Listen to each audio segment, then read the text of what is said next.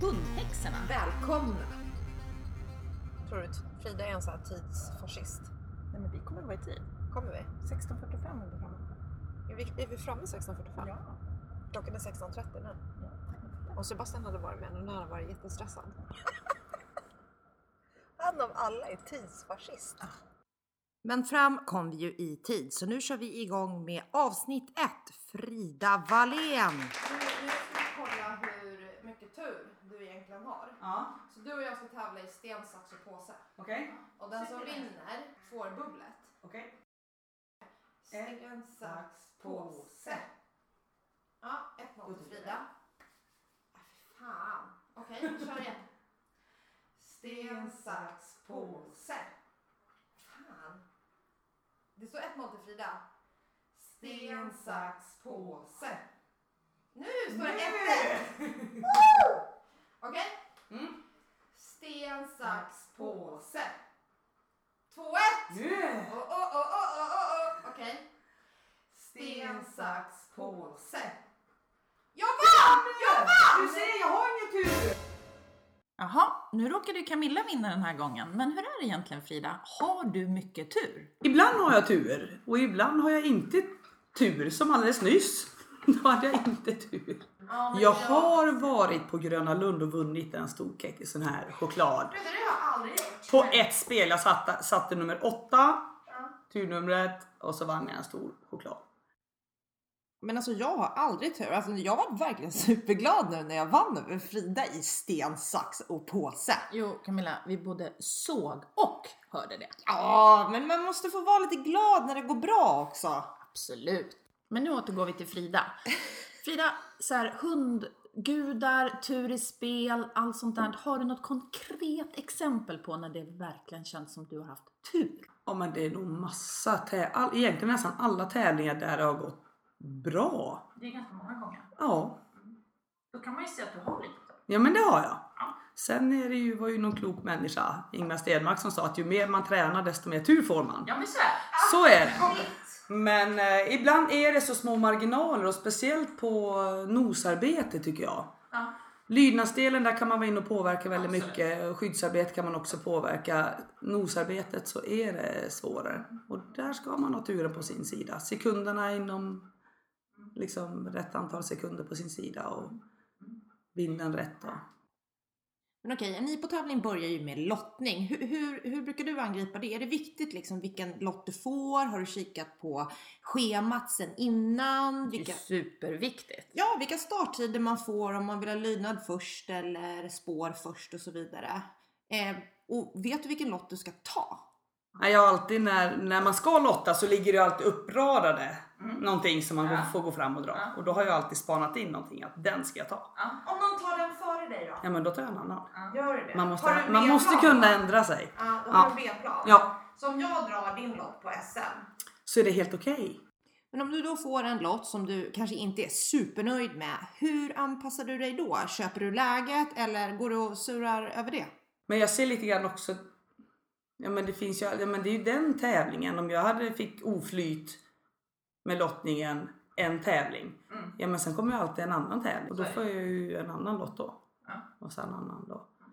Och sen kan jag tycka, men hunden ska ju kunna spåra dygnet runt. Och kunna gå lydnad och ja att det ska inte spela någon roll. Och jag försöker träna så också att det ska inte spela någon roll. Är det blåsigt mitt på dagen, ja men då går vi ut och spårar då. För då får man ju också den här lugna känslan på tävling att ja, nu blir det mitt på dagen. Ja men det kan vi. Om jag har gjort min research rätt här nu så har jag kommit fram till att du har gjort hela 12 SM-starter och då också i tre eh, olika grenar. Stämmer det? Oj, matte inte min, nu måste jag ju tänka. Nej, sju med bäst och två med, Men sen har du ju varit med, ja, fy- med fyra lydnads-SM. ja precis. Ja. Blir det Och så va? några VM och Ja. nordiska och lite sånt. Jag tror ett 20-tal större mästerskap. Ja. Men jag tänker att det där är helt galet bra för att jag menar det är otroligt svårt att ens kvala till de här olika grenarna eh, på SM och framförallt lydnads-SM. Vi diskuterar ju det eh, på vägen hit. Absolut. Att det är ju helt hysteriskt svårt att komma med. Det är ju så otroligt liksom, höga poäng som krävs för att komma med. Verkligen. Eh, så att om man ser ur det perspektivet över tid med olika hundar så ja, det är helt galet bra tycker jag i alla fall. Jag är mycket imponerad. Du har ju sjukt många medaljer också från de här SM-erna. Eh, vet du hur många medaljer du har? Ja, sex, eh, ett guld och fem brons. Ja, det är ju ett par stycken. Men eh, kommer du ihåg, vem, vem var det som kom tvåa 2009? Gud vad pinsamt. Jag tycker ju, jag är, jag är väldigt dålig på sånt. Det vet inte jag heller. jag är väldigt... det, det jag tänker är att alla som ställer upp på ett större mästerskap är duktiga. Mm. Sen hör det givetvis vem som har tränat mest, men lite till tur och sådär. Och sen exakt inbördes ordning. Det, jag tycker att alla som är där är duktiga. Men någonting som är superimponerande är ju de här 32 första prisen i lydnad. Sen hade vi ju inte, det var ju, vi har ju flertalet tävlingar där vi inte fick första pris också. Men eh, merparten var ju det. Så det Det är galet Wow! bra. Ja, jag är hur som helst sjukt imponerad för jag tänker så här att det är inte många som ens får möjligheten att göra 32 starter i Absolut inte. elitlydnad. Och det är det jag tycker du verkar vara så väldigt duktig på. Det var, är att vara bra över tid med flera olika hundar inom flera olika grenar. Eh, och jag tänker på den här hunden bäst. Han måste ju vara en, eller är nog den mest meriterade hunden. Ja, kanske. Jag har inte kollat upp det men Det tror vi. det tror vi. Ja. Sen finns det säkert andra, det finns ju så många sporter. Men just med att vi höll på med alla tre sport, skyddsgrenarna. Det var häftigt. Ja. Ja, en fantastisk. Mm, vilken fantastisk vän han var, din hund Frida. Eh, Verkligen. ja, det är lite som man blir lite tagen nästan. Ja, mycket. Men hur som helst, nu har vi pratat lite grann om all tur då som du har haft eller inte haft. Vi har pratat om eh, den otroliga bredden du har haft i allting du gör. Så, då blir vi ju super, super nyfikna på vart startade allt det här? När jag var i fyraårsåldern då tjatade jag till mig att jag fick gå ut med familjens Spedit Collie Ja. om min äldre bror följde med. Så jag gick ut med hunden och han gick ut med mig. Ja. Och på den, på den vägen var det. Sen hade vi en irländsk setter. Ja. Som jag då sexåring skulle gå ut och gå med. gick ju inget bra. Jag kom ju hem var och varannan dag. Som han hade dragit omkull mig och Ja. sprungit iväg. Så det var inte så. Sen så fick jag köpa min första egna när jag var 12. Och eh, hitta på jättemycket med henne. En jag hade ju inte pengar att köpa en registrerad hund då. Så då vart det en oregistrerad border collie. Mm. Skulle aldrig tävla hela mitt liv. Nej. För det där med tävling det var ju inte för mig. Jag kände att nej men vi be- jag behöver inte liksom hålla på ut och bevisa för andra att jag och min hund kan något. Så då vart det att det bara nej, ingen tävling. Grym start på hundlivet. Eh, Men du nämnde dina bröder. Är de en eller två? Jag har två äldre bröder. En som är två år äldre och en som är fyra år äldre. ja, och jag har träffat en av dina bröder. Aron! Just det, Aron! Men du, han hängde ju med dig på FCI-VM. Är, är han också en eh, hundkille? Nej han är ingen, han tycker om hundar, det gör han. Men han är ju ingen hundperson sådär. Men han hänger gärna med dig på... på Ja men det gör han. tävling. har varit med de två senaste åren på VM. Och han eh, kör buss genom eh, Europa så han är van att vara ute och resa mycket och sådär. Så det är toppen att vara med. Så ett bra tillfälle för oss två att få umgås. Och, ja, tycker det är jättekul. Och han är fantastisk att hjälpa till. Han gör så gott han kan. Ja, precis. Han, gör han gör som jag säger. Ja, Ja. den är viktig. Ja. Men okej, det var Aron. Var Aron den äldre eller den yngre? Han är den äldre. Okej, och så har vi en yngre bror också. Ja, som är, fast han är två år äldre än mig. Så Ja. bå- båda äldre. Den yngre han eh, håller på, är vildmarksguide, kör hundsläde uppe Ah. i, vid ishotellet. Jaha. Så han håller också på med hundar men med en helt annan typ av hundar. Ja, men då känns det ju lite som att hundintresset är ju lite så generellt i din familj. Men är det bara du som tävlar? Vi har ju alltid haft hund och tyckt det var... Men sen är ju ingen i min familj, gick och tänkte på det här, alltså det är ingen i familjen som tävlar. Nej. och någonsin har gjort. Martin, min bror, han spelar fotboll ett tag men det är det enda. Annars är liksom noll tävlings... Förutom jag. Men jag är ju inte tävlingsinriktad på att nu ska vi tävla mot andra. Utan jag tävlar mot mig själv. Ja. Har inte jag en tävling att se fram emot, ja men då ligger jag på soffan och Ja. käkar praliner och kollar på TV eller tar långpromenader. Men har jag en eh, tävling att se fram emot så tränar jag mycket mera. Okej, fattar. Eh, Det känns som att du eh, behöver ha ett tydligt mål med din träning. Ja. Med din hundträning. Ja, det behöver jag. Annars blir det praliner på soffan. Det blir det. Blir det. Och långpromenader. Givetvis att ta hand om hundarna men ska jag ut och träna så behöver jag ha ett mål. Mm. Men okej, då har vi varit i Värmland där du växte upp. Vi har hört lite grann om din familj. Eh, sen när du vid 12 års ålder då köpte din eh, border collie eh, som var oreggad. Vad, vad hände sen då? Eh, sen följdes det så illa så att hon eh, drack vatten, alg, blev algförgiftad när hon var knappt fem år. Så hon dog jätte, jättefort. Så då skulle jag aldrig mer ha hund i hela mitt liv. Jag blev jätteledsen. Tyckte det var superjobbigt. Så gick det något år och sen var det ett barn, en, en valp till henne som skulle få valpar. Och då köpte jag Nicky när jag var 16. Nej, Athena. Det får ni sudda bort. Jag köpte Athena. Athena. Athena. Athena köpte jag när jag var 16. Och hon har följt med mig på en lång resa. Det blev så småningom min första tävlingshund. Ja.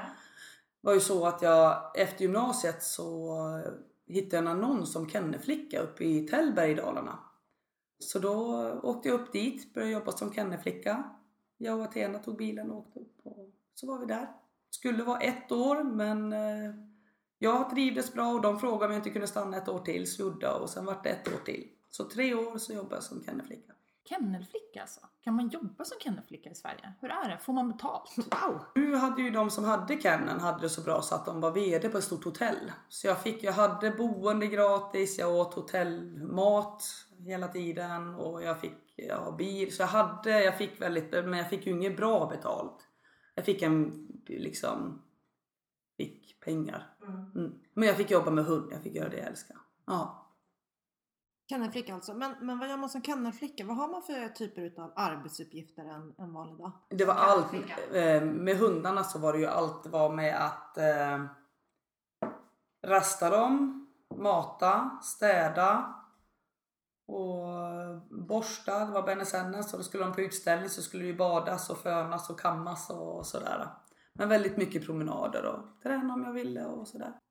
Hade de uppfödning också? Det hade de, så det var också valpkull. Det var ingen jättestor kennel men eh, de hade väl mellan en, en till två, ibland tre kullar per år. Och då var det att ta hand om valparna också och sådär. Men det känns ju som en bra start på en karriär inom hund. Ja, verkligen. Verkligen kul. Ja men det var jätteroligt. Och sen var det ju också ett sätt för mig sen att när jag hade fly- flyttat till nytt ställe så hur ska man göra för att lära känna folk när man kommer nytt? Jo men man går ju en kurs. Så jag tog med mig Athena till Brukshundsklubben i Nedansiljan. Och så satte jag mig där och jag tänkte jag skulle lära känna folk. Men första tillfället så gick ju instruktören igenom då mm, var och en här. Jaha, vad heter du? Vad har du för mål? Vad ska, vad ska du göra med din hund? Och jag tänkte ju säga att jag ville lära känna folk. Men när turen kom till mig då hade jag hört alla andra vad de berättade vad de skulle ut och göra. Så jag hör mig själv säga Ja, jag heter Frida och jag har Athena och vi ska gå ut och tävla lydnad. Det sa du? Det sa jag! Och jag är uppfostrad som så att har man sagt någonting då gör man det. Så då blev det att då tränade jag för det. Sen var det för mig också en väldigt när jag upptäckte att man måste inte tävla mot andra. Man kan ju göra det om, om man vill men man kan, vi kan gå ut allihopa och tävla och få första pris. En visst antal poäng som man ska upp till och det, det där spårar mig lite grann att jag måste inte tävla mot andra utan jag kan tävla mot mig själv. Och se hur bra kan det bli? Så här, de här momenten ska hunden kunna.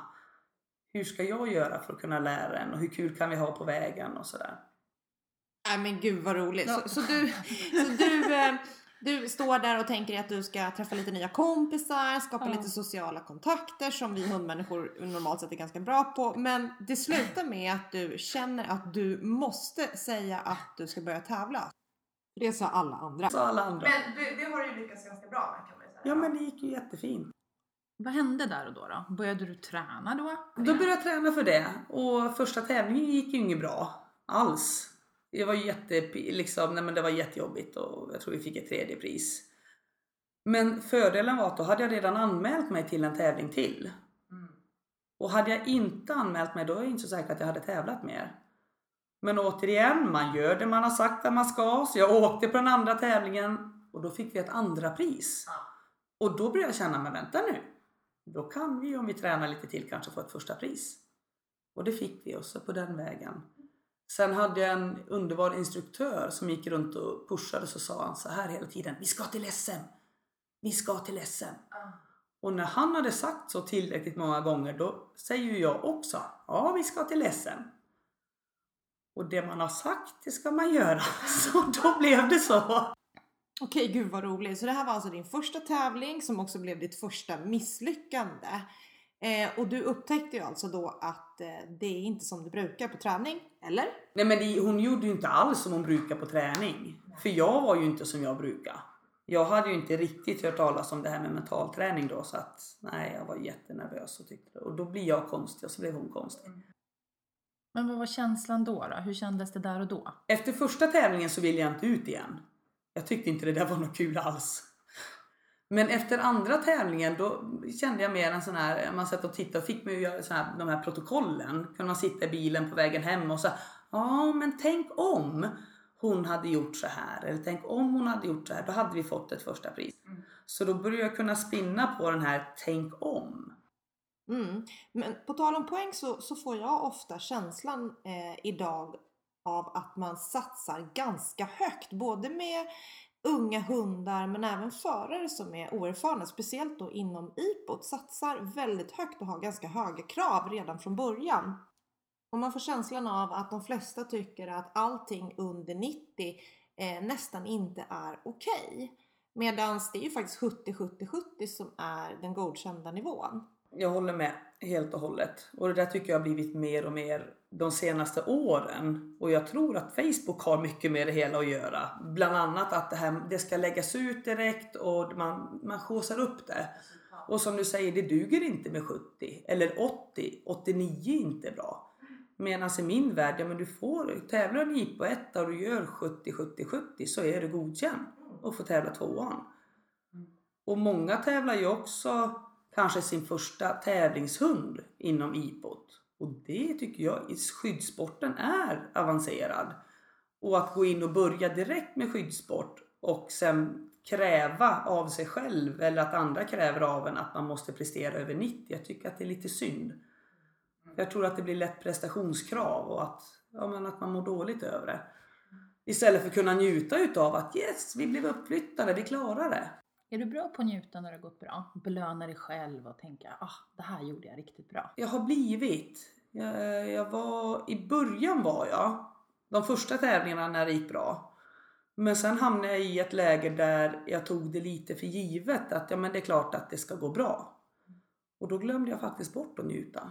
Och lite grann, och det, det är synd när det blir att man istället för att fokusera på det som är bra så fokuserar man på de här små sakerna som inte fungerade. Även om man, eh, jag minns med min förra hund när vi tog lydnadschampionat. Det är jättehäftigt. Jätte, och istället för att fira så satt jag och var lite ledsen efteråt för jag tyckte att nej men det där kändes inget bra och det där kan han bättre och gick igenom små detaljer som han kan bättre. Så det där har jag fått slå mig huvudet på lite grann att stopp och belägg, njut av det som faktiskt när det går bra. Så nu för tiden så gör jag faktiskt det att jag njuter och firar både på träning och på tävling när det går bra. Att våga liksom strunta i små detaljer för det kommer inte bli perfekta program. Jag har gjort över 200 tävlingar, jag har aldrig gjort ett perfekt program. Jag har ett mål och en önskan om att tänka en dag att bara få gå in och bara allting sitter och stämmer. Men om jag inte gör det så gör det mig ingenting. Det är så mycket annat runt omkring som jag kan njuta utav. Så jag tror att man får lära sig det. Mm. Du har ju vunnit otroligt många tävlingar. Men jag tänker så här, är det någon tävling där du känner att känslan har varit lite bättre än alla andra gånger du har vunnit? Ja, det är ganska många. På sätt och vis är det ganska många. Eh, men jag har ju någon dels första gången med Athena när vi kommer över 300 poängs i lydnadslyran där får man ju i 320 max. Och första gången vi kom över 300 poäng det var en sån här riktig wow! Det går, vi kan, vi, vi klarar det. Så det var en jättehäftig grej. Och sen har jag ju varit med om massa, min, jag hade en Benesennen att tävla med. Och när vi tog cert i spårhundsgruppen och vi fick över den här magiska 585 så vi fick cert. Det är också en som jag minns som, ja, riktigt stark. Med en Bernie Sennen. Wow! Ja, Ja, härligt. det gick det med. Och sen såklart massa tävlingar med. Bäst hade ju en fantastisk, en elit, nu är det en söktävling. Men det var på våren, det var nästan en halv meter snö. Och jag tänkte jag kör ändå. Och han går 300 meter sök i halv meter snö och han bara pumpar och pumpar och pumpar och jobbar och hittar figuranterna och vi får dubbeltia. Och då är det en sån här riktig wow-känsla. Får du inte tala om mammen som jag har nu men han njuter jag av varenda tävling för han, ja, han ställer upp och han gör sitt allra, allra bästa. Okej, vi har pratat om misslyckanden, vi har pratat om när det börjar gå bättre, vi har pratat om din tid som kennelflicka. Just det. Eh, och din tid där på Nedsiljans BK. Men jag tänker så här, vad, vad hände sen då efter din tid som kennelflicka? Vad blev nästa steg? Sen fick vi ett första pris. Precis, och sen vart det mer och mer. Sen kände jag att jag kan ju inte gå kvar som kennelflicka hela livet. Och då hörde jag talas om att det finns, fanns, eller fanns en utbildning till hunddressör uppe i Sollefteå. Så jag sökte, kom in som reserv. Så det där var snopet för mig. Så jag gick jättelänge och bara, "Jaha, vad ska jag göra nu då? Och vad var man tvungen att kunna då? Vad var kriterierna för att bli antagen på hunddressörutbildningen i Sollefteå? Ja, man fick lämna in sina betyg och sen om man hade någon som kunde tala för en. Hade du bra betyg? Nej, Hade du någon som kunde prata för dig? nej. Inte, di- inte direkt sådär. Så du hamnar på reservlistan? Men sen kom jag in i alla fall. De ringde och hörde av sig.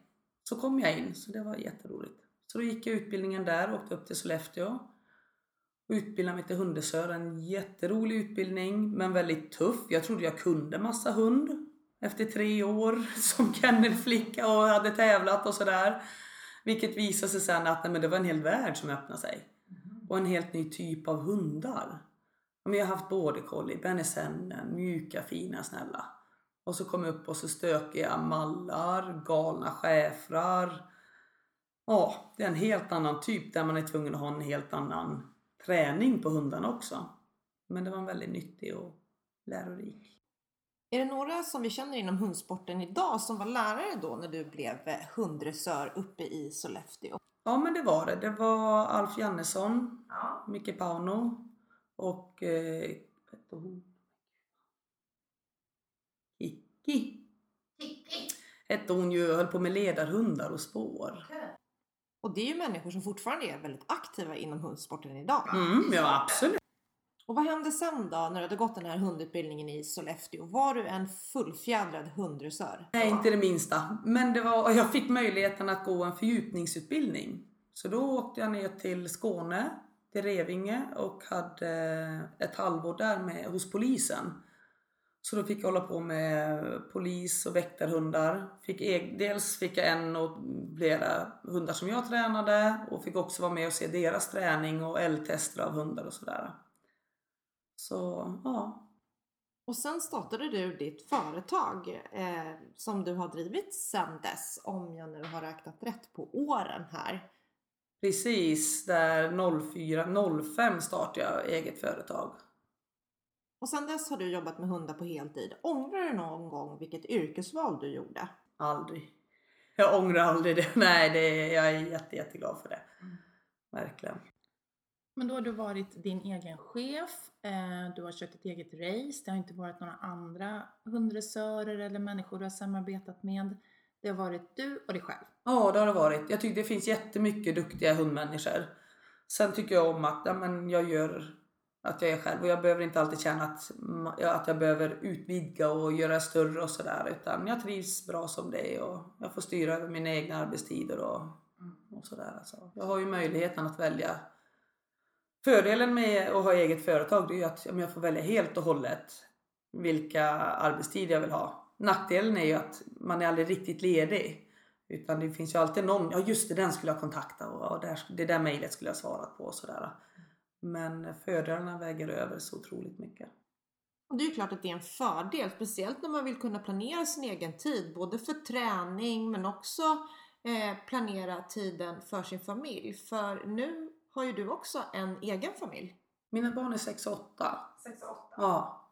Sen träffade jag... Ja, precis. För du måste ju ha träffat någon innan du fick barnen, tänker jag. Ja precis! Innan barnen. Innan barnen så träffade jag Jonas och det gjorde jag 2008 ungefär. Ja. Och Jonas är ju också en superduktig eh, hundkille. Men eh, träffades ni genom hundarna då? Jag, så, jag såg honom först på en Monjoring-tävling. Men sen var det lite roligt för sen var jag här i Jönköping, jag skulle tävla med bäst. Så stannade vi på McDonalds. Jonas jobbade och de skulle till McDonalds för att äta mat. Han får syn på en snygg malle i bilen och kommer fram och pratar med oss. Så det var lite lustigt att Jonas ser min hund så han kommer fram och då vet jag redan vem han är. Ja men hej! Så du såg Jonas och han såg din hund? Ja, precis så var det. Så då, och då, för jag bodde ju i Dalarna men så träffade jag Jonas och flyttade hit till Enköping. Och sen så har ju vi eh, bott tillsammans och eh, fått två underbara döttrar som nu är 6 och 8. Ja, levt mycket hund. Sen har vi bestämt oss för att gå skilda vägar. Det blir så där ibland. Och eh, vi är fortfarande goda vänner och så men ja, han är fantastisk. Dels både som hunddressör, sen som figurant också. Att han behärskar både tjänstehundsbiten som polishundar, väktarhundar och även IPO, svenskskydd och monjoring. Så han är ju väldigt duktig som figurant att behärska så otroligt mycket. Okej, då har ni levt ett riktigt eh, schysst hundliv tillsammans. Eh, du har tävlat stora tävlingar, Jonas han har figgat mycket. Hur har din livsplanering sett ut eh, när du också har haft småbarn med i bilden? Har det varit lätt eller svårt? Och hur funkar det? Jag har ju bytt från svenskskydd till IPO av en, anle- av en anledning. Inte bara, men det är så, det är stor skillnad att hålla på med svenskskyddet där du har fem stora delar som hunden ska kunna jämfört med IPO där du har tre stycken delar. Så att det är mycket. Och sen så har, har Jonas hjälpt då att vi har turats om och sådär. Och sen har barnen fått hänga med. Men det, har ju, det blir ju inte lika mycket tränat när man har små barn utan då prioriterar man dem istället. Men hur har du varit som hundmorsa då? Kan ungarna varenda dike på hundklubben eller hittar de varje gömsle ute i sökskogen? Egentligen inte. Lite grann har det, har det varit. Jag vet när Lisa, äldsta då, när hon var liten, då var, var hon med. Vi tränade och tävlade rapport. Då var hon med på rapportsträckorna och sådär. Men sen eh, när vi fick två stycken och märkte att men nej, de tycker inte att det är roligt hela tiden. Och då tycker jag att man får lyssna lite. Så ibland är de med och ibland är de inte. Och båda döttrarna vill ju gärna följa med på tävling nu. Och sådär, så då vill de gärna vara med. Men, in, ja, ja, men de tycker att det är roligt och att det, det är lite speciellt och sådär. Men eh, inte att vara med på varenda träningspass. Det tycker inte jag de ska behöva vara riktigt. Hur är det med dina tjejer då? Är de stolta över sin mamma? Ja men det är de. Det är de. Det är de faktiskt. Ja. Ja, men då har du hittat någon balans där mellan träning och tävling och familj. Välplanerat. Väldigt välplanerat. Ehm, men då tänker jag lite så här, var det en av anledningarna till att du gick från svenskskyddet till IPOD? För att det är färre grenar att träna? Det var, jag tror att det var en, en tre, tre saker som avgjorde. Eh, dels tidsmässigt med barn och sådär. Sen var det som så att Ammen skadade sig när vi tränade sök. Han sprang rakt in i ett träd. Och då blev jag lite rädd för skador. Han gick väldigt hårt i munkorgen också så jag blev rädd för, mun, eh, liksom för skador där. Plus att jag bröt foten. Så det var liksom massa skador så då tänkte jag det att nej men nu håller jag mig till IPO där det är plant och platt och det är inte så mycket skador. Ja precis, inte så mycket man kan snubbla. Och sen så upptäckte jag också vad otroligt roligt. Jag hade hållit på med svenskskyddet ganska länge och då tycker jag men det är roligt att pröva nya saker. Men apropå skador då, när man sitter och tittar på svenskskyddet så får jag lite känslan av att det är en ganska risky sport att hålla på med just när jag tänker på skador. Och det, det är ju just det här munkorgsarbetet som man Precis. liksom reagerar lite på Ja. att, att det kan, det måste ju vara stor risk att hundarna skadar sig där. Eller vad, vad har du upplevt? Både och. På sätt och vis. Jag tävlar ju mycket med... Med bäst var jag med i sju år. Och han, han skadades på en tävling. Skadade han sig. Och sen inte mer och inte på träning och sådär. Så att, men givetvis så är ju skaderisken större. Det känns och det känns som att en hund som går om, eh, i eh, ett hårt angrepp i munkorg så tar det ju stopp. Det är ju så, det kan ju vem som helst förstå att nej men det där är inte jättehälsosamt. Medan i ipot så fångar de ju upp med ärm. Så det blir inte alls samma, samma skaderisk. Sen känner jag lite grann också så att ja, de kan ju skada sig. Nu var det ju i skogen ammen skada sig i söket. Jag vet hundar kan skada sig på hoppet och sådär. Är olyckan framme så är den. Så så känner jag lite grann. Men givetvis så är väl skaderisken större. Okej, vi har pratat lite grann om, om skador, vi har pratat om svenskskyddet Mm. versus IPO, framförallt i skyddet. Eh, vi har också pratat lite grann om att det är ganska många saker att träna i svenskskyddet. Där hade vi fem saker, i IPO hade vi tre saker. Mm. Men jag är lite nyfiken på att höra av dig Frida, vad, vad, är, vad är svårast? Mm. Svenskskyddet eller? Ipot. Eh, svenskskyddet är just, tycker jag, personligen är svårast i det stora hela. Dels har du ganska svåra lydnadsmoment eh, som är lite motsägelsefulla som inkallning med ställande och läggande, likadant framåtsändande i bruxet. Är Svåra moment. Eh, och sen har du också munkorgsarbetet som jag tycker är bland det roligaste i svenskskyddet. Jag tycker det är jättekul men det är svårt. Och vad är det som är svårt där? Är det att få till den perfekta stöten? Att hunden ska släppa spärrarna? Eller är det tempo? Mm. Vad är det som är det knepiga? Det svåra är ju att få hunden att släppa sprinten av att angripa människa utan leksak. Jag menar både i Monduring och i Ipo där har du ju ärmar eller heldräkt och ärm som hundarna biter i. Medans eh, i eh, svenskskydd så har du dels har du ju ärmarbete men du har munkorgsarbete där figuranten inte har något skydd. Och då ska ju hunden alltså angripa en person. Och där har ju de allra flesta hundar svårt för. Så där behöver de ju ha en, en försvarslust att angripa. Medan i ipot så räcker det många gånger bara med kamp. Okej, det var svårast. Men vad är lättast då tycker du? Vad som är lättast i... Om, om jag säger så här, i ipot så är det, det ganska lätt tycker jag att få 70-70-70 i IPO 3. Ja men det är ganska lätt. Har du en kampglad hund så, som liksom det styr rätt med. Men att få över 90-95 det är riktigt svårt. Så är det. Men momenten upplever jag är lättare i IPO än i svenskskyddet. Har du någon favoritdel då inom IPOT? A, B eller C? Eller tycker du att allt är lika roligt? Nu för tiden är det alla. Ja.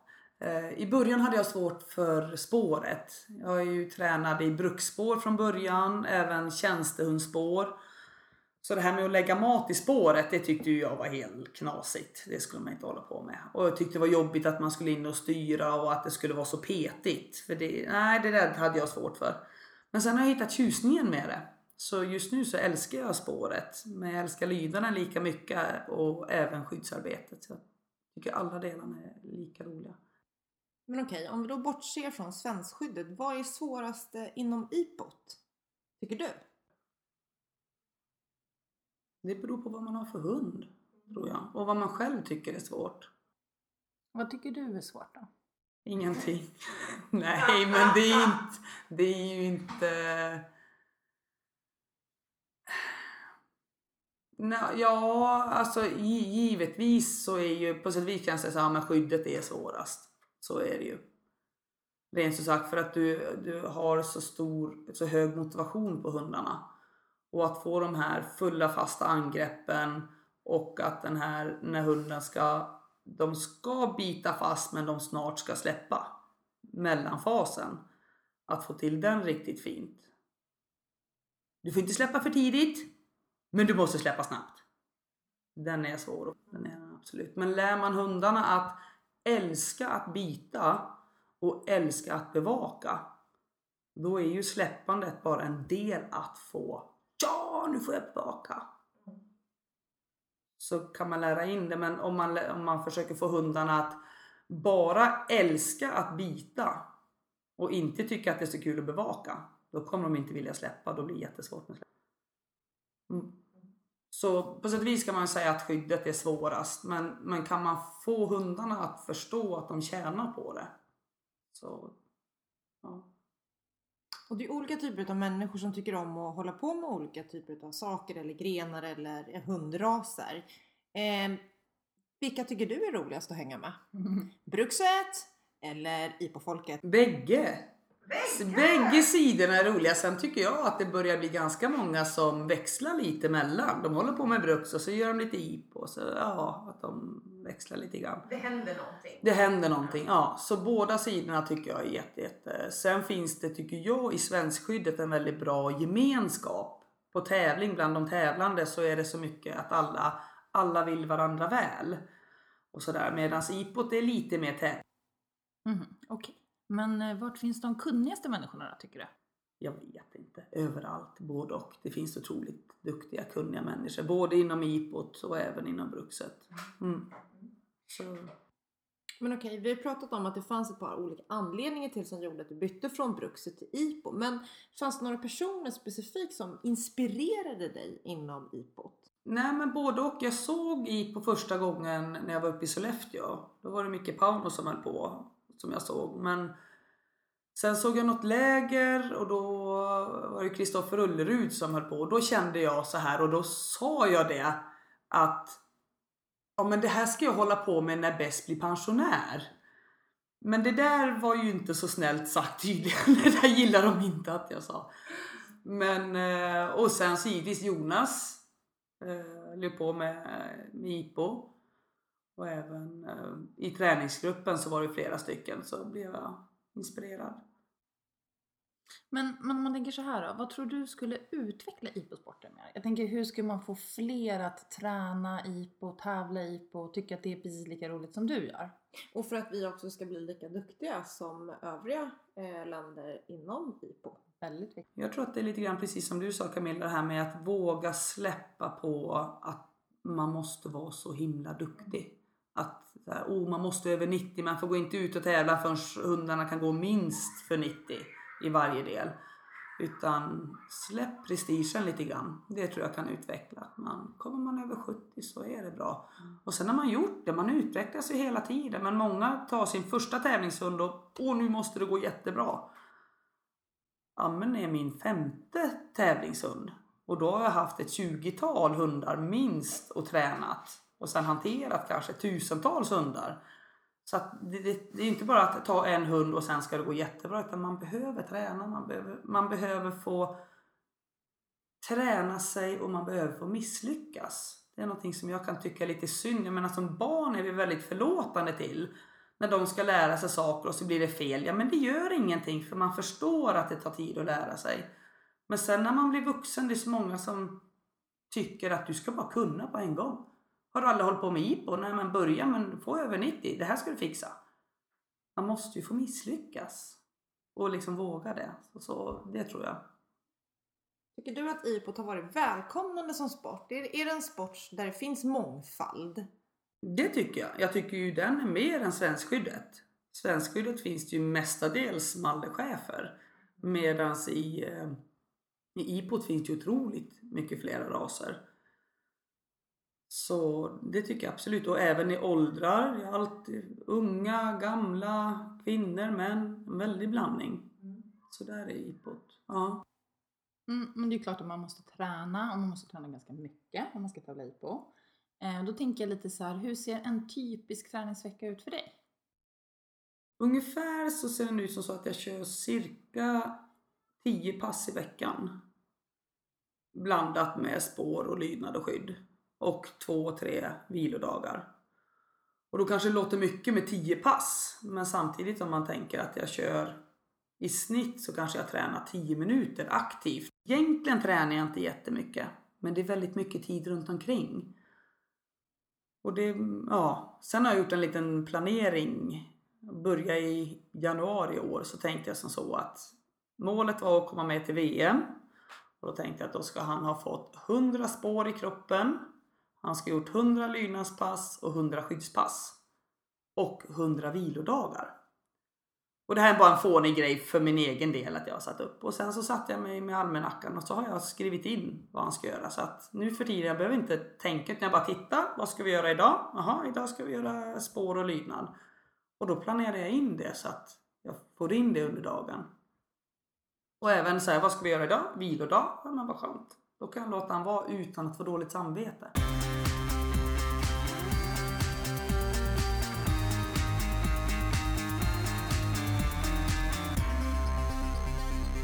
Okej, så du lägger upp en så kallad årsplanering efter då det stora målet som du har för året som då är VM.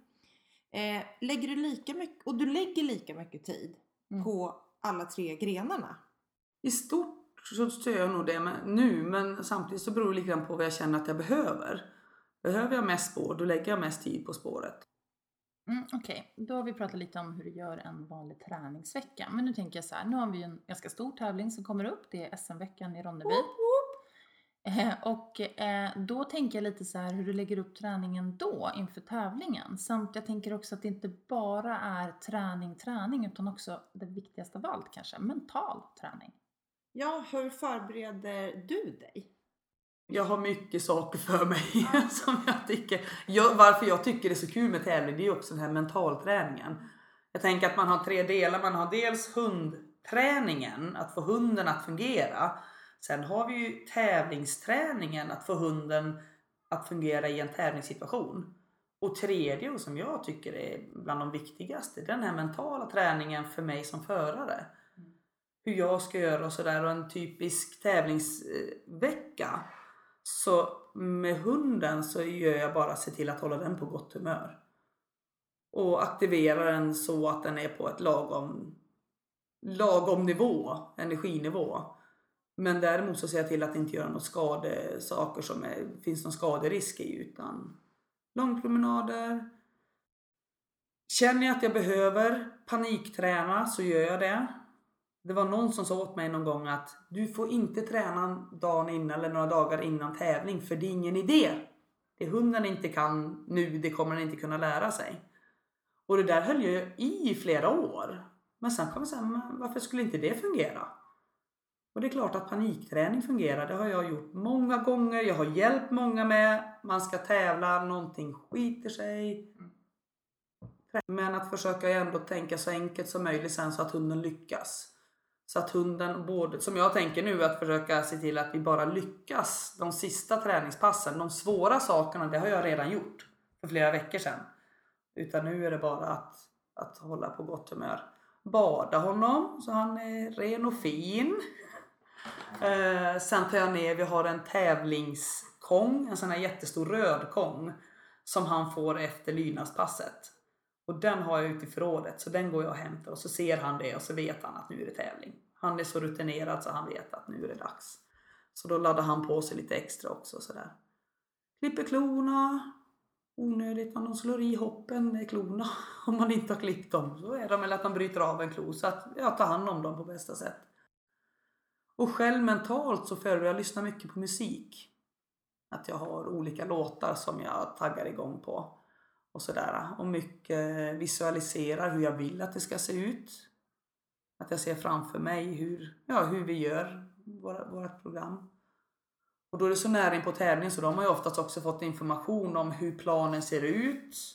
Om skärmen är på, sjätte skärmen är på högersidan eller om den är på vänstersidan. Och då kan jag se det där framför mig och så oh, mentalträna. Vara så gott som möjligt. Massera, använd lite extra. Ibland går jag till och med och tar massage och bara, bara försöka njuta. Men jag tänker lite på det här med mental träning som känns som att det är en viktig del för dig. Eh, Är det någonting som du alltid haft i dig eller har du under åren utvecklat det där och förstått hur pass viktigt det är för dig och dina framgångar? Ja, jag har märkt att det gör stor skillnad. Och det var redan med första, första hunden, Athena, när jag tävlade så hörde jag talas om, för jag var så nervös i början. Jag tyckte det var jättejobbigt och folk stod och tittade och domar och det där var jättehemskt. Men så var det någon som berättade att det finns, fanns en bok som hette Bäst när det gäller av Willy Railo. Så den lånade jag och läste och eh, den hjälpte mig. Och då blev jag jätteinspirerad på att lära mig mer. Snart kommer vi att ses nere i Ronneby på Bruks-SM eh, som pågår från och med den 22 augusti tror jag det är. Eh, vi hoppas ju såklart också på att vi kanske får till en liten sån här efterintervju efter det här mästerskapet för att höra hur det har gått för Frida. Och jag tänker också att vi kan dela på den här champagnen som vi jag. faktiskt spelade om nu. Eh, men jag tänker så här, hur, hur eh, gör du innan en stor tävling? Åker du ner i god tid? Eller hur gör du? Det där är helt olika. Jag gör det som är lättast för mig om tävlingen är nära. Förra året var det ganska nära. Då åkte vi på fredag morgonen. Det är inte så att jag känner att jag behöver vara på plats långt i förväg och träna och sådär. Um, I år så är det längre ifrån. Vi åker på tisdag morgonen. Min yngsta dotter följer med i år och är coach till mig på SM. Så då åker vi på tisdag morgon. Men okej, då kommer du ner på tisdagen. Jag tror att det var så att det var veterinärbesiktning på torsdagen. Eh, och sen var det även inträningen. Hur, hur lägger du upp din inträning på ett mästerskap? som han känns just nu så känns han väldigt jämn. Och då har jag bara så att jag vet att jag vill göra en ingång på planen. Få in en god känsla, ha kul med, med ammen. Sen vill jag checka av ett hopp och göra ett framåtsändande. Och sen så vill jag göra en rondering och sen är jag nöjd. Ja men precis, jag såg din inträning på, på FCI-kvalet nere i Falkenberg och då såg jag att du var en av de få, ska man väl säga då, som inte använde någon figurant på inträningen utan du visade alla skärmar och sen satte du ammen ner och så gick du själv och ställde dig i sexans skärm. Ja, jag, jag gör så ofta på träning och eh, han fungerar lika bra om det är en figurant men jag vill inte hetsa honom för mycket för jag tänker hetsar jag honom på inträningen på att det är en ny figurant, han skulle ju älska det. Men då kommer ju ronderingen på tävlingen bli sämre. Vilket gör att okej, okay, inträningen kanske är häftigare om jag har figurant. Men men det där känner jag är väldigt mycket vettiga tankar och säkert ett system som du har testat och provat under, under många års tid. Men jag tänker också på ett seminarium som du och jag var på tillsammans i januari i år för Janne Kaiser, eh, regerande världsmästare. Eh, som också hade liknande tankar som du vad det gäller ronderingen och han pratade ju väldigt mycket om att oavsett om hunden gör en bra eller dålig rondering så är det ju ofta så att Ändock så står en figurant i sexan nästan alla gånger och hunden får alltid någon form av belöning oavsett om ronderingen har varit bra eller dålig. Ja, men jag tycker jättebra. Sen kan jag tänka också men om hunden gör en dålig rondering. Jag har ju varit med om, eller Ammen har varit med om ett par gånger att om inte han är skärpt på ronderingen, nej då blir det ingen figurant för han. Då kan han få gå till bilen igen. Vi behöver inte köra och det är bland det värsta som han kan vara med om. Och för de flesta skyddshundar, att det värsta de kan vara med om det är att man säger att nej men vi behöver inte. Slipp då. Och nu när vi är inne på det här hur mycket man gör med sin hund själv i skyddsarbetet. Jag hade ju turen under ganska många år faktiskt att ha figuranter i princip varje vecka och nästan fri tillgång till, till skyddsträning. Men på senare år så, så har det blivit lite mindre utav den varan. och Då har man helt klart varit tvungen att omvärdera och skapa sig nya sätt att träna även skyddsdelarna på. Hur, hur gör du? Har du figurant, tillgång till figurant eller hur mycket gör du själv och vad gör du då? Jag skulle säga att jag gör kanske 90% själv. Jag har sen i september förra året fram till nu då, så tror jag att jag har gjort på figurant gjort sex skyddspass. Så det är ju inte mycket egentligen. Men samtidigt känner jag att jag checkar av och han funkar jättebra. Mm, tidsmässigt kan jag träna själv, ja men jag kan ju träna precis när jag vill.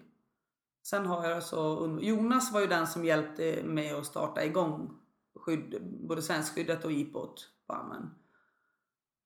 Eh, sen har jag väldigt många härliga människor som är snälla och hjälper till och ställer upp. Om jag ber dem, har du lust att figga lite grann så gör de det. Men jag har ingen speciell som jag tränar med en gång i veckan eller sådär att nu jag tränar bara på den här personen. Utan jag har fyra, fem olika som jag känner som jag känner av ibland att Hej, har du lust att figga lite? Men om någon av dina kompisar eller till exempel om jag vore din kompis, vad skulle vi göra för övningar då? Det beror ju, det beror ju på. Jag, jag, jag kan ställa min, min kära bror Aron, eh, äldsta bror, han hjälpte mig inför mitt första svenskskydds-SM och han kan ingenting om hundar. Men han hjälpte mig jättemycket men då tog jag, får jag ta det utefter vad han klarar av. Och skulle du figga så får jag ju fråga dig först, vad känner du att du klarar av? Jag gör allting på ammen förutom, jag gör modprov på- på 5 meter. Jag vill inte ta honom på längre håll för jag är rädd att jag inte klarar av att fånga honom. Så det behöver jag ha någon annan som tar. Så det beror lite grann på, du kan hjälpa mig med allt. Men sen är också frågan, vad är skydd? Det är så lätt man tänker skydd, ja men då måste det vara en karl som är figurant. Han måste ha läderhosen. Han måste ha piska och han måste ha skyddsärm. Det är lite macho. Om det, inte, om det inte är en ung hund för då kan han ha bara läderflärp på att köra med. Men annars måste det vara stora grejer för att vara. Och jag sa, ja men om du och jag kör, kör vi skydd? Eller om du, så här, vad är skyddsarbete? Om jag kör, jag kör ju inte, det är ju inte skydd på mig själv. Men det är ju en uppvisning vi gör på tävling. Eller hur? Det är en uppvisning vi gör. Sen gör jag när jag har möjlighet så tar jag ju för att det är, blir en speciell känsla när du har en, en stor man. Så är det bara hundarna triggar lite extra på det. Men då kan jag göra speciella övningar. Uff, Ah, ammen är aggressionsutvecklad så vi har gjort massa roliga övningar för han tycker ju det där är skithäftigt. Så när det väl kommer en stor karl på tävling då bara triggar han upp. Sen är det ju inte meningen att allting ska bli ett lydnadsskydd. Det är inte så att åh, hundarna åh, de ska bara vara lydiga och bita och det ska vara så, utan det ska vara rejält, det ska vara tryck i. Men det tycker jag att jag har i ammen så att då känner jag att då behöver jag inte köra på FIG mer än nödvändigt. Jag behöver inte slita på deras kroppar. Visst är det häftigt och roligt att se eh, angrepp men man behöver inte slita på kropparna. Vare sig figuranter eller hundar. Vi ska hålla länge. Vad har du för team här hemma då? Har du en fast träningsgrupp som du eh, tränar med ofta? Nej, faktiskt inte. Jag har eh, jättegoda vänner som jag tränar med men väldigt många av dem bor så långt bort. Så då får man åka länge och det kan jag göra ibland, åka iväg en helg och vi tränar tillsammans men inte till vardags. Då tränar jag själv. Väldigt mycket tidsmässigt också att ja, men tiden räcker inte riktigt till. Utan då blir det att jag gör det själv. Och sen är jag, jag är en social eremit. Jag älskar att vara social och träffa människor och sådär men jag har stort behov av att vara själv också. Så då tar jag lite egen tid när jag tränar själv. Vi har ju pratat en hel del om att hundmänniskor faktiskt är sociala typer. Eh, jag är själv social och driver med kompis Kina också. Men jag tror att i form av hundträning och den sociala biten så är jag social till en viss grad. För ibland kan jag uppleva att ibland går det mer ut på att vara social och fika och så vidare på gruppen än vad fokusen läggs på själva träningen. Där tror jag är en grej varför jag funkar bra. För jag, är inte, jag tycker om att vara social. Men jag vill helst vara själv eller vara med hundarna. Så det är ju hur många gånger som helst att de andra är sociala och jag är social men jag har en hund med mig. Och så håller jag på att lirka, jag gör lite ingångar. Medan jag är social så håller jag på att träna hund. Så alla ni som hänger med Frida nu tror att hon är social med er. Det är hon egentligen inte. Hon tränar ju faktiskt hund under tiden. Om vi pratar inspiration generellt då och nu, även fast jag kanske tror att jag vet vad svaret kommer att bli. Finns det någon eller några som inspirerar dig i din träning vad det gäller IPOT? Eller är inspirationen din hund? Ja men det är det. Att gå ut och träna med ammen är som att dricka tre Red Bull. Jag får wow, sån häftig energi utav det. Och känna glädje. Men sen tror jag att det är många människor som har inspirerat mig genom åren. Att man ser, man sitter på Youtube, man tittar, okej okej nu ska jag hålla på med IPO, hur går det till, hur ser det ut? Och så har man tittat på de här världsmästarna. Hur ser det ut? Så, så de inspirerar ju mig. Men sen inspirerar egentligen alla människor som håller på med hund där jag ser att det finns en gnista, en glädje, att det finns någonting tillsammans. Om jag ser någon ute på plan som håller på att träna så ser jag bara sånt otroligt samarbete. Ja, jag kan ju få tårar i ögonen och så blir jag så bara, åh det är så fint. Jag tror att du fungerar som inspiration och förebild för ganska eh, många och jag tror att det är många som faktiskt beundrar dig. Eh, men har du någon sån här som, nu ska vi mynta det här uttrycket som egentligen inte vi har myntat men vi snor det för vi tycker det är så himla bra. Har du någon sån här som är in your face with love? Och med det menas att man är väldigt, väldigt ärlig Eh, men man är det med kärlek. Ja men det är min allra bästa kompis Kerstin Daniels uppe i Dalarna. Hon är ju fantastisk och hon, hon säger precis vad hon tycker. Det gör hon. Och hon kan vara jättehård och hon kan vara jättesnäll. Hon säger vad hon tycker. Så är det absolut. Ehm, att ha någon som står och säger ja, det var väl bra. Det är ju ingenting som hjälper mig för vad då väl? Antingen så är det jättebra eller också är det något som kan förbättras. Hur är du då som instruktör? Hur ärlig är du mot dina elever? Jag säger också vad jag tycker men jag tror, och Kerstin gör samma sak att man säger först och främst det som är bra. Och sen säger man det som är dåligt. Så känner man varandra jätteväl så kan man givetvis ibland säga så här, nej det där nu går, nu går inte hunden alls bra. Så det beror lite grann på hur väl man känner varandra. Men mitt jobb som instruktör det är ju att hjälpa människorna att komma vidare. Och då känner jag att om jag bara ska stå och säga allt som är bra så har de ingen hjälp att komma vidare. Men om jag bara står och gnäller på allt som är dåligt så kan ju det göra att de bara känner sig så nedtryckta i skorna så de har ingen motivation att gå ut och träna. Så det gäller ju att göra både och. Tala om det här är bra och det här är bra. Det där kan göras bättre. Och det är också en skillnad för mig tycker jag om man säger så här. Det där är dåligt eller det där kan bli bättre. Vad har du för typ av kunder och elever nu då? Är det mest tävlingsförare eller kommer de till dig med olika typer av problem med sin hund? När jag startade företaget då var det allra mest vardagslydnad, det var problemhundar och sådär. Och sen i takt med att, och så också lite tävlingshundar. Och när det då gick bra för de tävlingsekipagen, då tipsade ju andra, andra ville veta och sådär. Och nu för tiden så är det nog 90% tävlingsekipage. Och sen lite problemhundar om det är något som har något. Jag kikade ju lite i din bokningskalender och eh, såg ju att du är ju helt uppbokad för hela 2018. Det känns som du har ganska bra snurr på din verksamhet och ditt företag. Det, alltså jag har inte behövt annonsera på över 10 år. Så det är lite häftigt att jag lägger ut när jag har möjlighet, med de tider som jag kan. Och så bokar folk på. Och det blir fullbokat. Så det är jättekul. Och ganska snabbt då? Ja, gud det går på ett par timmar. Går det runt ett företag? Kan man leva på att vara hunddressör och hundtränare? Ja men det gör jag. Det har jag gjort som sagt var. Eh, sen är det inte så att jag känner att jag blir rik på det. Men jag lever ju min dröm. Om jag kommer till dig och vill ta en privatlektion i lydnad, bara jag och min hund. Vad kostar det? Det kostar 600 kronor i timmen. 600 kronor i timmen Ja. för mig, bara jag. Ja, bara det. Ja, men det måste jag ändå säga att det var ju verkligen inte att ta i. Eh, jag menar, vi pratade ju massage förut. Om vi jämför med 45 minuters spa-massage. Jag menar, det går ju löst på 1000 spänn. Så det var ju verkligen inga, inga pengar att prata om. Och jag kan känna så här att jag kanske kan ta tusen spänn. Men jag har ingen lust att göra det för jag vill inte, jag vill inte att det ska vara hutlöst att träna hund.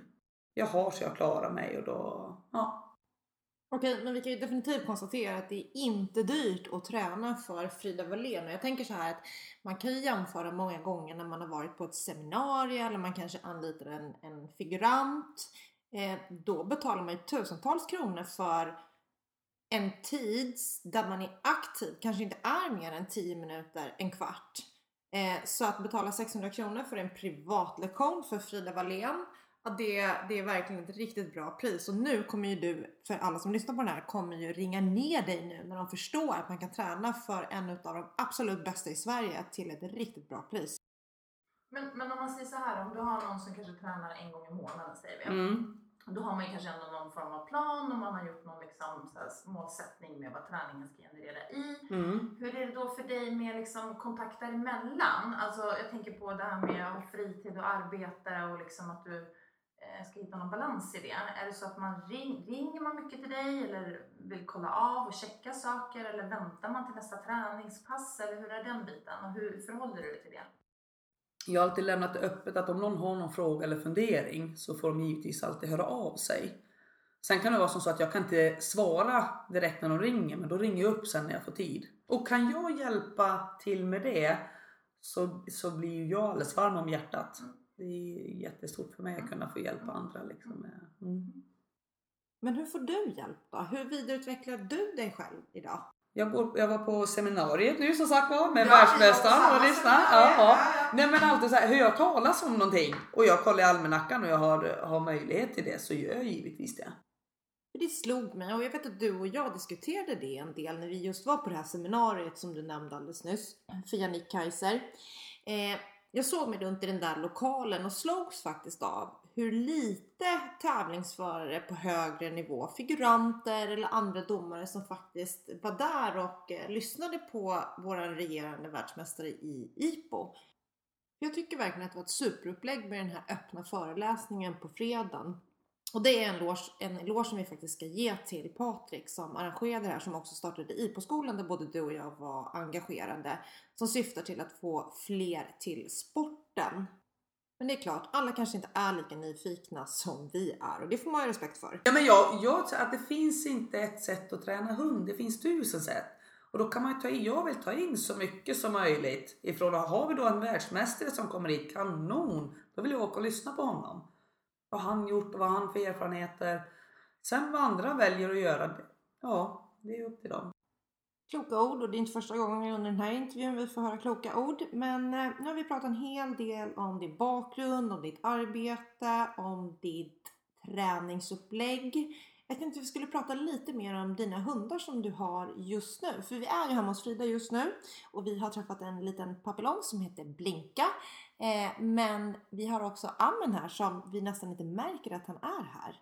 Han är jättecool. Hemma inne så är jag jättelugn. Och det är de två hundarna du har nu? Ja, ja de två. Det är uppenbart att de bor med dig, men hur, eh, hur lever du med hund Frida? De är med som familjehundar och de får gå överallt. Just nu så har eh, Blinka håller precis på och löper så har jag fått ta lite kompostgaller emellan och sådär. Eh, Men annars så lever de precis som de vill. Sover de i sängen? Ja. Jag kände rent spontant så är det så här, ja men det är, min hund är min vän. Sen är det väldigt viktigt tycker jag också, jag vill gärna flika in det att jag har också ett ledarskap över dem. Att ledarskapet är också viktigt på samma sätt som mina barn är mina vänner. Jag är vän med, med min dotter och med mina döttrar. Men jag, har, jag är också mamma till dem. Så jag måste gå in och bestämma ibland. Och samma sak känner jag med hundar, att vi är vänner men inte, vi är inte jämlikar utan där behöver jag gå in och tala om och ibland bestämma att nu får du vara på hundpensionat ett par dagar. Så! Man kan väl kort säga att det, det verkar vara schysst att vara hund och bo hemma hos eh, Frida. Eh, en annan sak som jag har reflekterat över det är ju lite grann hur, hur våran sport lite formar det här hur vi har våra hundar och varför vi har dem. För många använder ju faktiskt sina hundar som, som verktyg för en sport idag. Och många kanske också byter hundar utifrån vilka förväntningar de har eller har haft på den här kommande hunden som kanske hunden inte besitter. Hur gör du om du får en hund som kanske inte har alla de egenskaperna som du förväntade dig eller framförallt ville ha? Lämnar du bort den hunden då? Ja, men jag har faktiskt gjort det. Två gånger till och med. Och det är så här, jag, jag håller med på sätt och vis kan jag känna att man ska aldrig, har man köpt en hund så ska man ta hand om den och man ska aldrig byta bort den. Och på sätt och vis kan jag tycka, ja men herregud, det blir ju inget roligt vare sig för föraren eller för hunden. Jag köpte en schäfer och trodde att det där skulle bli bra och det vart inte alls bra. Min border collie tyckte det var, han var pest och pina.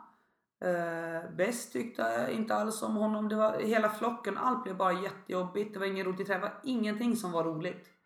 Och då kände jag efter ett tag att nej men det ska vara kul att ha hund. Och det är lite grann så, har man en hund som man inte trivs med så är livet jättejobbigt med hund. Det är inget roligt. Jag har haft liksom, tagit hand om hundar jag inte tycker om och det är inget kul. Däremot har man en hund som är helt fantastisk och som man trivs med så är det ju hur underbart som helst. Sen kan man inte leta efter den perfekta hunden för den finns inte. Man kan inte säga jag får en hund, nej den passar inte perfekt, bort med den, ta nästa hund, nej den passar inte perfekt, bort med den, ta nästa. Och leta efter en hund som är perfekt, man skapar den perfekta hunden. Men nu har ju du nästan den perfekta hunden som bor hemma hos dig, Ammen. Vi vet ju att Ammen bor på ett väldigt bra ställe och hur han har det och hur han sover. Men vad äter han till vardags? Han äter Royal torrfoder. Har du provat eh, barf eller färskfoder? Han har käkat bom och hundmat förut. Eh, Men, och det gick bra ett tag, sen vill han inte äta det något mer. Och det blir bökigt med färskfoder när man tar fram och så äter de inte, det luktar illa, blir gammal, ja sådär. Så då provade jag Royal, funkar jättefint. Sen är jag lite fånig, det var någon som pratade om blodpulver. Så jag fick prova och det tyckte Anna var jättegott och strö lite på maten. Så det har han som lite extra blodpulver på. Okej. Okej, då vet vi att Amen inte äter en sån superavancerad kost och verkar klara sig hur bra som helst på det. Eh, vad det gäller fysträning och sånt, jobbar du mycket med det i form av friskvård eller rehab? Ja, men inte galet mycket. Eh, Det får inte bli överdrivet mycket utan eh, jag, tänk, jag försöker tänka lite sunt förnuft. Eh, Väldigt mycket, det jag gör allra mest är att jag går i skogen. Helt enkelt. Över stock och sten, jag går i skogen, sen så kör jag lite intervaller. Eh, Att han får springa och hämta en leksak så han får ta i, springa fort. Eh, cyklar ibland men inte, jag har blivit rädd för cykel. Inte rädd för cykel men jag har blivit rädd för att cykla med hund för jag har haft två hundar som har blivit halta när jag cyklar med dem. Och jag tycker inte jag har cyklat för mycket eller sådär utan var bara hältan kom så därför är jag lite fånigt rädd för det. Mm. Jag har haft den och gått på treadmill. Sen tycker jag att eh, tidsmässigt så hinner jag inte riktigt. Eh, utan då kan jag lika gärna, jag kan gå en timme promenad i skogen istället för att sätta mig i bilen och lite miljötänk också, att slippa sitta och åka bil då en halvtimme. Enkel resa bara för att låta han gå i vatten, då kan jag, ja då kan jag inte gå. Men om olyckan nu skulle vara framme, eh, även fast du är duktig på att ta hand om dina hundar, eh, vad har du för försäkring på, på dina hundar och vad har du för erfarenhet av försäkringsbolagen? Jag har valt Agria eh, och jag tycker alltid det har funkat bra för mig. Det har inte varit, det är dyrt att försäkra men så är det. Det är väldigt skönt om det väl händer någonting. Mm. Så är det skönt och Agria har aldrig krånglat någonting utan det har alltid funkat bra.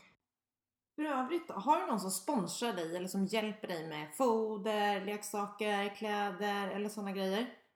Jag har varit lite försiktig på den biten. Ehm, Nu har jag Redog som eh, sponsrar mig så händer det någonting så kan jag alltid ringa till Stefan. Om det skulle bli något, hända någonting akut så kan jag alltid höra av mig och han brukar kolla av honom också en gång om året. Och en liten genomgång att det känns skönt. Sen har jag också Marie Söderström, Dynamic Rehab och Sport. Där. Sen har jag valt att tacka nej till andra sponsorer. Eh, För jag känner att jag vill inte riktigt eh, Nej men jag vill inte riktigt vara med om att då behöver jag, om jag går ut och tävlar nu så tävlar jag för min egen skull. Om jag blir sponsrad av massa företag så ska ju jag representera dem också. Och då känner jag att då är det viktigt att det går bra för mig så att det ser bra ut för dem.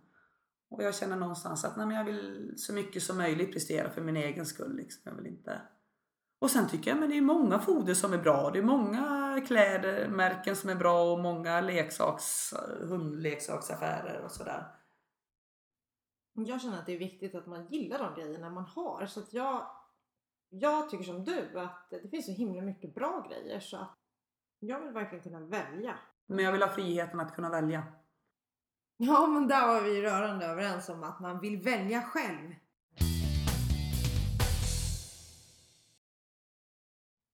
Nu ser vi ut mot de stora tävlingarna. Det är ju Bruks-SM i Ronneby men sen åker ju du en vecka senare också på FCI-VM nere i Italien. Så det är hektiska veckor men vad händer sen? Blir det vintervila och knapra praliner på soffan då eller? Nej, sen, ja, sen har jag lite träning. Det är en, en grej som jag har gjort att givetvis förr så tränade jag bara innan tävling. Sen tävlade jag och sen var det liksom slut. Men nu för tiden så tränar jag inför tävling, tävlar, tränar. Sen tar jag paus. Så att jag tränar lite grann till. Ibland träna bort lite minnesbilder kanske. Som, som har hänt på tävlingen som jag känner att ja men nu vill jag belöna upp det här eller nu vill jag rätta till det här. Då kan jag göra det innan jag tar och sen blir det lite lugnare och mysigt. Sen blir det vintervila för rammen. Ja. framme. Men är det verkligen bara Malle för dig då? Har det aldrig kliat i fingrarna att välja någon annan ras? Och jag tänker så här att det skulle väl vara ganska snyggt att ha Frida Wallén ihop med en väldigt fin svart stor dobermann kanske? Nej. Ja, det var det. Nej, just nu så länge, så länge jag vill hålla på och träna tävla så känner jag att men Malle, du, i min värld så jag har jag har allt jag kan önska mig i en Malle. Jag får precis det jag vill ha. Så m- för mig passar det jättebra. Sen finns det jättemånga andra som jag tycker om. Men just det här med att ha för egen del så, så trivs med Malle. Skulle jag inte hålla på att träna tävla men då kanske jag, finns det någon annan ras. Men, mm. Men blir det någon ny hund då? Ska Ammen para här i höst ska han para en jättehärlig tik. Och då, Då? så blir det i sådana fall en hane. Om det blir valpar där så kommer jag att välja en hane därur. Men där har vi ju nästa mål i sikte då vad det gäller att eh, skaffa sig en ny valp och kanske en efterträdare till ammen. Om det nu blir valpar som vi absolut hoppas på för din skull. Men finns det några andra mål eller drömmar som du har med ditt hunderi?